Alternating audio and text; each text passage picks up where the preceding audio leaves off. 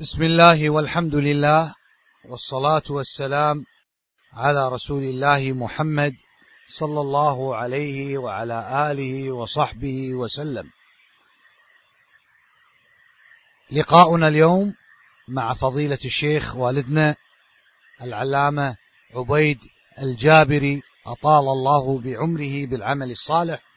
ولقد أكرمنا اليوم ب آه، كلمة وهي تفسير لصورة العصر ولكن أرجو أن يتفضل علينا الشيخ حفظه الله تعالى بإجابة على سؤال قد طرح قبل أسبوعين وهو شرح حديث بيان معنى داووا مرضاكم بالصدقة. فأرجو تكرما شيخنا أن تشرح لنا هذا الحديث قبل البدء تكرما بتفسير سورة العصر. تفضل شيخنا حبا حبا وكرامة إن شاء الله. السلام عليكم ورحمة الله وبركاته.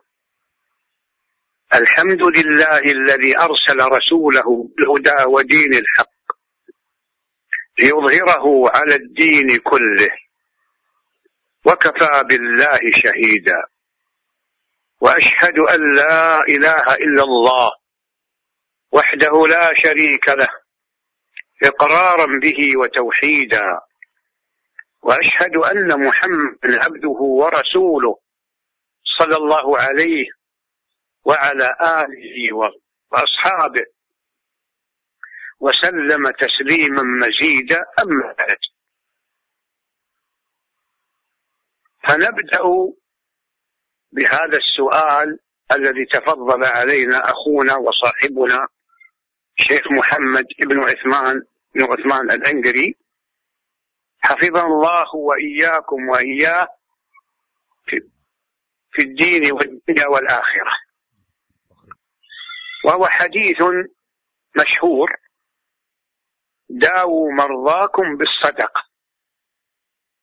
ولعدم استعدادي للإجابة عن هذا السؤال الذي تضمن هذا الحديث أرجعته. وقد توصلت إلى أن الحديث أعني جملة داووا مرضاكم بالصدقة.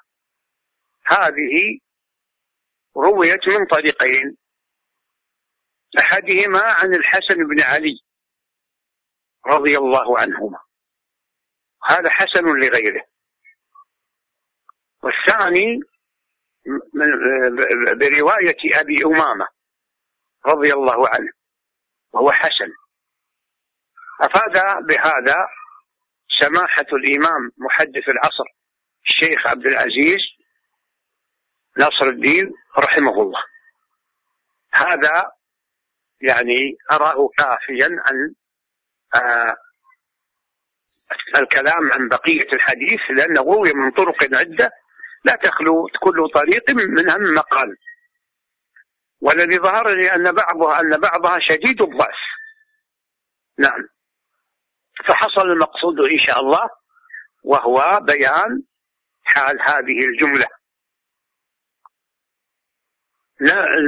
ننتقل الآن بكم جميعا ونسأل الله أن يفتح علينا وإياكم بما يفتح به على عباده آمين. الذين يستمعون يستمعون القول فيتبعون أحسنه بتفسير هذه السورة الكريمة.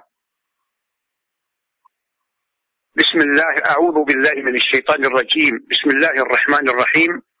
والعصر. إن الإنسان لفي خسر. إلا الذين آمنوا وعملوا الصالحات وتواصوا بالحق وتواصوا بالصبر. هذه الواو هي واو هي أحد حروف القسم الثلاثة التي هي الواو والتاء والباء. وشرح هذه مذكور في كتب النحو وغير من كتب اللغة كما أنه تكلم عليها مفسرون وبما يكفي فلا داعي إلى ذكره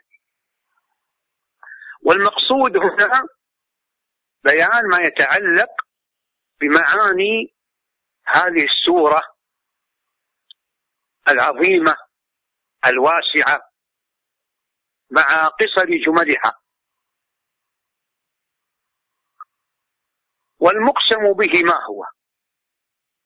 المقسم به هو العصر. والله سبحانه وتعالى في كثير من آي تنزيله الكريم أقسم بكثير من خلقه. فأقسم بالليل وبالضحى وبالشمس وبالبلد وبالطور وبالسماء والطارق السماء ذات البروج والنازعات في مواطن كثيرة. من كان على تتبع آية الكريم آية التنزيل الكريم يدرك ذلك. إذا كان من يتلون القرآن الكريم متدبرين له متفهمين راجين العمل بهذا الكتاب الكريم على الوجه الصحيح. وأقسم سبحانه كما أنه عز وجل أقسم بنفسه. من ذلكم قوله تعالى فورب السماء والأرض إنه لحق مثل ما أنكم تنطقون وقال تعالى في سورة النساء فلا وربك لا يؤمنون حتى يحكموك فيما شجر بينهم. الآية. والمقسم به في هذه الأمثلة وغيرها لحكمة عظيمة. وهي تشريف المقسم به.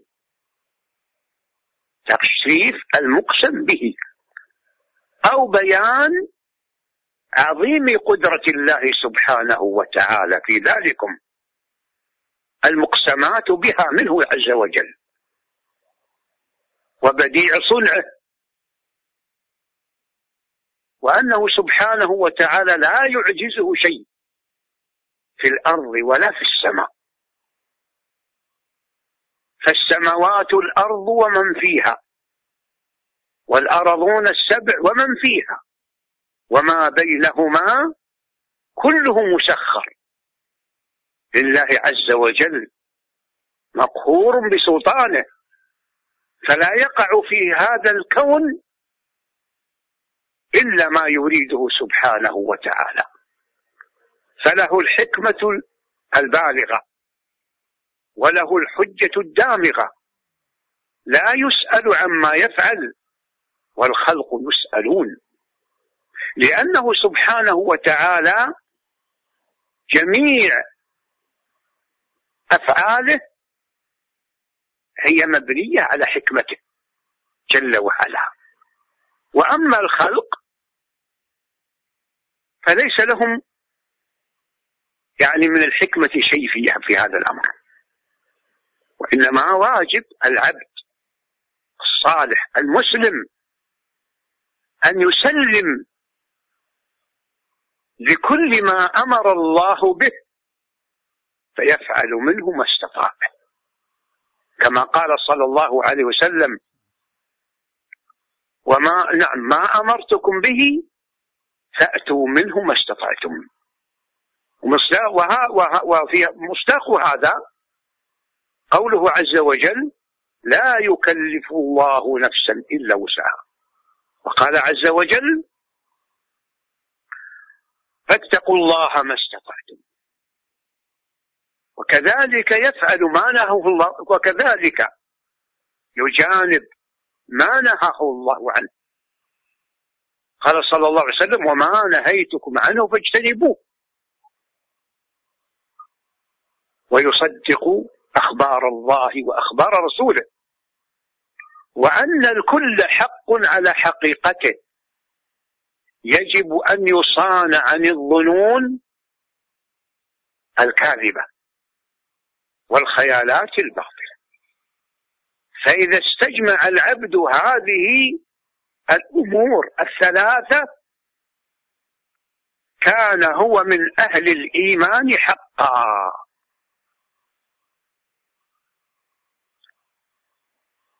بقي سؤال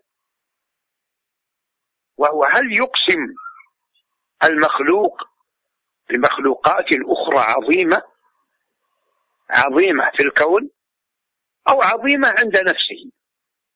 والجواب أنه لا يحل للمرء أن يقسم إلا بالله. مثل والله وربي والذي نفسي بيده والذي يحلف به. هو يقول والذي يحلف به المسلمون. أو باسم من أسمائه. مثل والرب. أو والرحمن الرحيم. أو بصفة من صفاته جل وعلا. مثل وعزة الله. وقدرة الله. نعم. قال صلى الله عليه وسلم من كان حالفا فليحلف بالله أو ليصمت. هذا نهي فليحلف بالله إن كان حالفا لا بد له من الحلف. أو ليصمت. يعني إذا كان لا يحتاج الأمر إلى إلى تأكيد. يسكت يعني ما يحتاج لا يحتاج إلى حلف يسكت. هل حصل عندكم كذا؟ فيقول نعم ويسكت. أو يقول لا يسكت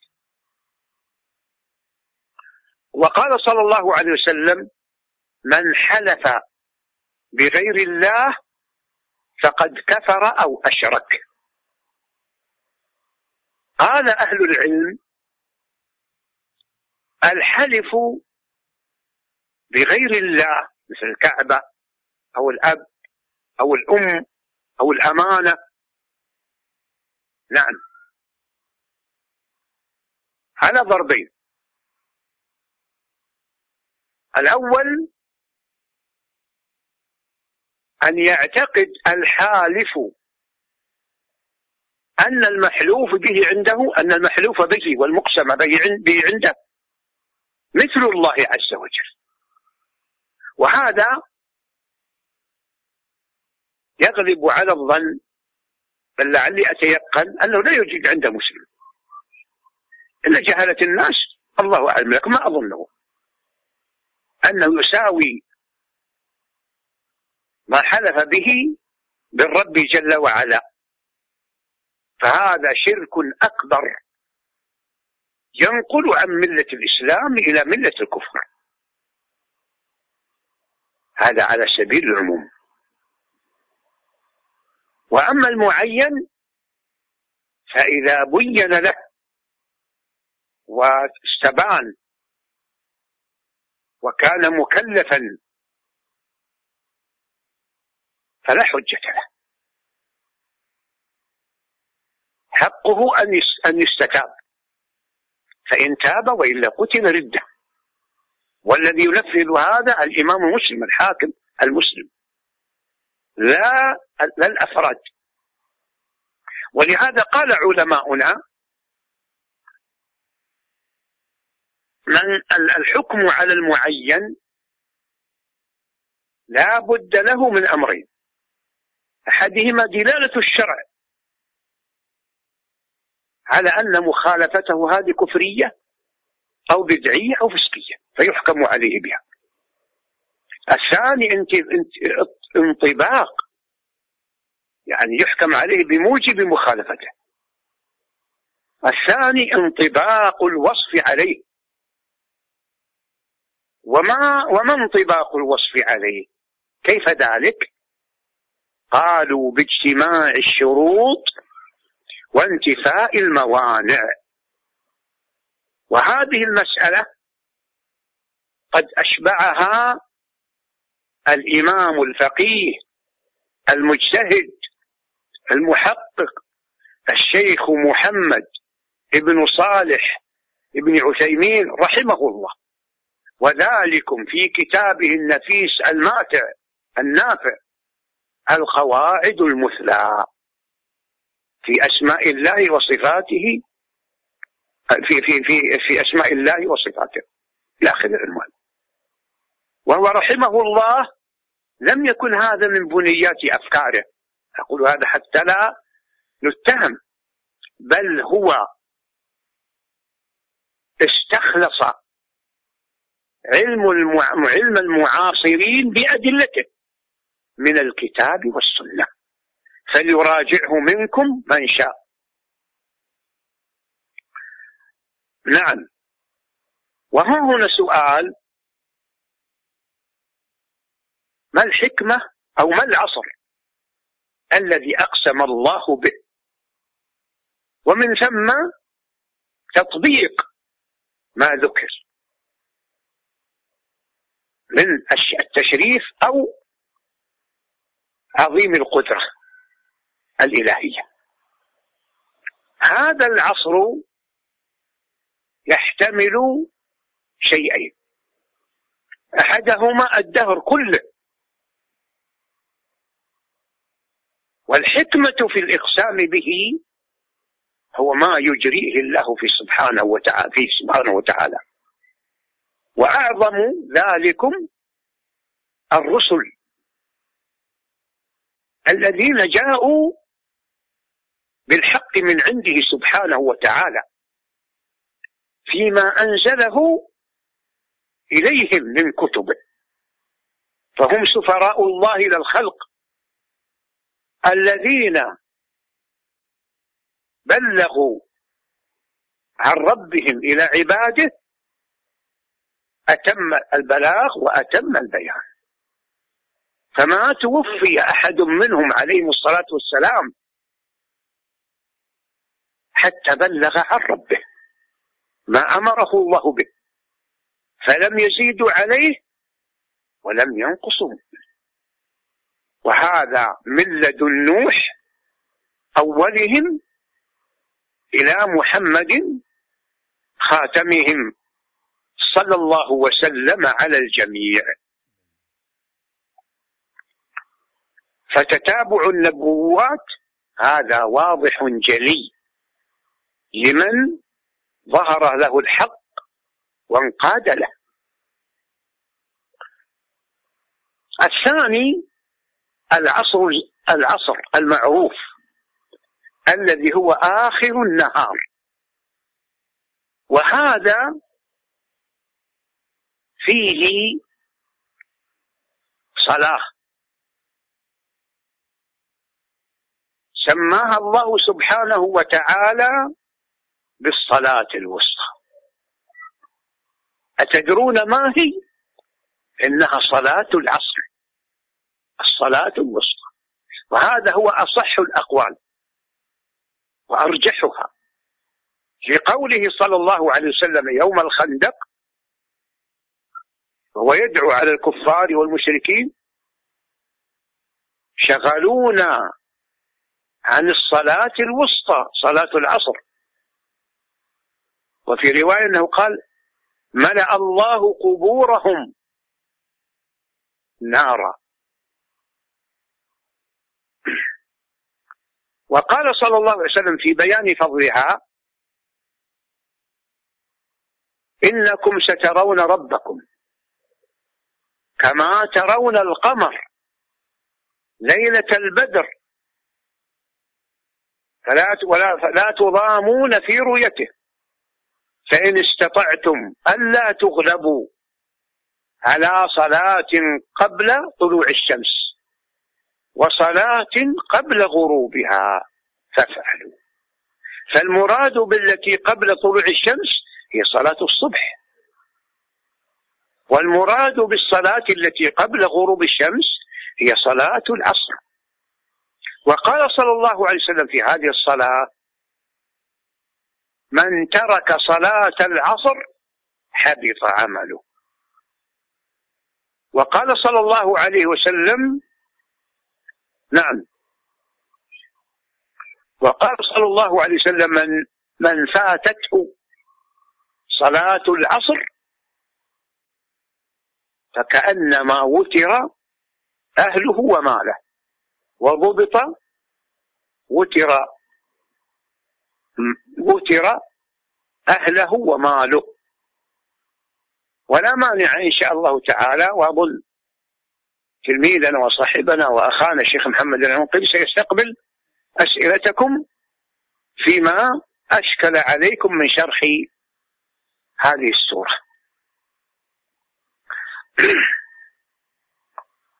هذا هو المقسم به. عرفنا. وعرفنا عرفنا حرف القسم. وها هنا سؤال. وهو ما جواب القسم وما المقسم وما المقسم عليه. جواب القسم إن الإنسان لفي خسر. إن الإنسان لفي خسر. هذا هو جواب القسم. والمقسم عليه خسر الإنسان على سبيل الأمور. والخسر ضد الربح. فالساعي الساعي كما هو مجرب ومعروف عند العقلاء بين ثلاثة أمور. يعني تاجر صانع أي صاحب حرفة بين ثلاثة أمور. أحدها المربح. على رأس المال. فهو يطمع في الزيادة. فإذا كان رأس ماله مليون مثلا يطمع في أكثر من مليون. في في مليون في في في مليون مليونين ربح أو ثلاثة ملايين إلى غير ذلك يطمع. هكذا فطرته. نعم. الثاني وهذا هو أو أول ما يسعى إليه المحترف والسعي الثاني الوقوف عند رأس المال. وهذا ما أظن أن صاحب حرفة يسعى إليه. يسعى أولا في المكسب المربح. فإذا عجز حرص. حرص على أن يحفظ رأس ماله. الثالث وهو ما ما جبل الإنسان على البعد عنه بل والقرب منه وهو ألا يبقى ألا يحصل على ربح ولا يبقى رأس ماله أو ينقص. هذا هو الخسران هذا هو الخسران فإذا تقرر هذا فاعلموا أيها المسلمون أن خسر الإنسان على ضربين. أحدهما خسر دائم أبدي. لا ربح معه. وهذا في حق الكفار وذوي النفاق الاعتقادي من المسلمين. فمن مات كافرا سواء كان كفره أصلي كاليهودي والمجوسي والنصراني وغيرها من الديانات الباطلة. كلها ديانات باطلة. ولا دين إلا دين الإسلام. وقد بسطنا هذه المسألة في مواطن أخرى فليراجعها من شاء. هذه هذا يسمى كفر أصلي. وهو كافر كافر. وفي الحديث الصحيح من مر منكم من مر على قبر على قبر مشرك يعرفه. فليقل يا فلان إني أبشرك أنك من أهل النار. لأنه مات كافرا فلا يغرنكم أن بعض الناس قال هو كافر عندك وعند الله أعلم به. هذا ليس بصحيح. لا دليل عليه. لا من كتاب ولا من سن من سنة ولا إجماع ولا قول عالم سلفي. إنما هذا من زخرف القول من زخرف القول. الذي هو من إفرازات الجماعات الدعوية الحديثة التي كلها ضالة مضلة. وعلى رأسها جماعة الإخوان وجماعة التبليغ هذا من إفرازاتها إفرازات هذه الجماعات الضالة المضلة. نعم وكذلك مات منافقا نفاقه نفاقا اعتقاديا وهو الذي كان يظهر الإسلام ويبطل الكفر. فأولئك الصنف هم في الدرك الأسفل من النار كما قال جل وعلا إن المنافقين في الدرك الأسفل من النار. الخسر الثاني خسر مؤقت. خسر مؤقت ليس بدائم. وهذا في حق من لقي الله على كبيرة فأدخل على كبيرة يعني لم يتم منها فأدخله الله النار لقاء كبيرته. فهذا فهذا غير آمن من دخول النار. ولكنه آمن من الخلود فيها لأنه إن عذبه الله فمآله إلى الجنة. إما بمحض رحمته دون شفاعة جل وعلا والشفاعة ملك له أو بمن أو بشفاعة من يأذن الله له بالشفاعة في هؤلاء. هذا يطول وقد بسط في غير هذا الموضع. وننبه إلى أن من ذوي الخسران الدائم من يدخله الله الجنة برحمته دون عذاب. وي... نعم. وها... وبرهان هذا وذاك يعني أصحاب الخسران المؤقت.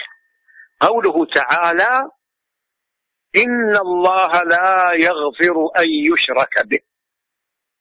ويغفر ما دون ذلك لمن يشاء. الآية. ومن الأحاديث المستفيضة الصحيحة إن لم تكن متواترة قوله صلى الله عليه وسلم من لقي الله لا يشرك به شيئا دخل الجنة. ومن لقي الله وهو يشرك به شيئا دخل النار. إلى غير ذلك من الحديث. وهذا الحديث أخرجه الإمام مسلم في صحيحه من حديث جابر بن عبد الله الأنصاري رضي الله عنهما. إن الإنسان لفي خسر. نعم فبان أن الإنسان جنس. الإنسان اسم جنس لا بعينه. نعم. ويندرج تحت هذا تحت هذا الأصل فرع وهو هل يحكم على أحد؟ هل يحكم على أحد بجنة أو نار؟ فنقول الناس في هذا الباب صنفان. مسلم وكافر. فالمسلم فالمسلم لا يقطع له بجنة ولا نار بل يرجى للمحسن الثواب ويخشى على المسيء من العقاب ويخشى على المسيء من العقاب. نعم. وأما الكافر فيقال إن مات على كفره فالجنة عليه حرام لأن هذا ما تضافر عليه الكتاب والسنة والإجماع. ولهذا فاعلموا أقولها من هذه من هذه الإذاعة السلفية العامرة إن شاء الله. لا يغرنكم قول بعض الناس المتحذلقة المتفلسفة الذين يحكمون حيال ردهم النصوص بالعقل. فمما يقرر ما يقررونه أنه لا يقال في اليهود والنصارى كفار بل هم كفار رغم أنوفهم. وقد بسط هذا في مواطن كثيرة. لو ذكرتها لطال الوقت عليكم ولأمللناكم نعم. نعم. نحن حينما ندعو يهوديا إلى الإسلام نقول يا يهودي. وهم واليهود ليس واليهود لا يستنكفون عن هذا اللقب. هم معترفون بهذا. استمعوا إلى إذاعة بني إسرائيل.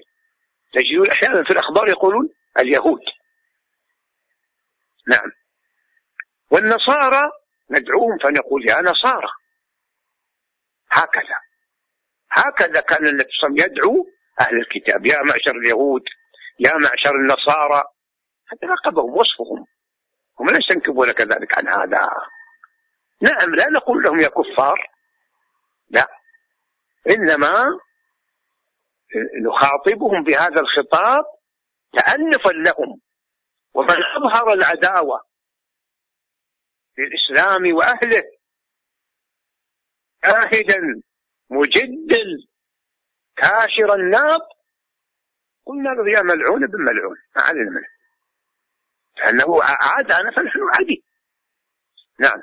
ونظهر أنه كافر. نقول هو كافر. عدو الله. لكن الوادع الساكن نقول ما أسلفت. ما أسلفت لكم نعم. بقي بارك الله فيكم. هذا العموم ما الذي استثنى الله منه؟ وننبه إلى قاعدة أن الأصل في عموم أن الأصل في العام هو على عمومه حتى يأتي المخصص الصحيح من يعني من كتاب أو سنة الصريح. فإذا طبقنا هذه القاعدة على على هذا العموم إن الإنسان لفي خسر. هل هل خص من هذا شيء؟ وما المخصص؟ نعم. خص بهذا المتصفون بأربع صفات وهي الإيمان والعمل الصالح والتواصي بالحق والتواصي بالصبر. وما المخصص؟ المخصص أداة الاستثناء إلا إلا الذين آمنوا. كم بقي يا أبا عثمان من الوقت معنا؟ حتى لا نطيل على المستمعين. قرابة عشر والحضور قرابة عشر, عشر دقائق. نعم. إذا نرجئ هذا بارك الله فيكم جميعا إلى الجلسة القادمة. حياكم الله جميعا. والسلام وصلى الله وسلم على نبينا محمد وعلى آله وصحبه أجمعين. السلام عليكم ورحمة الله وبركاته.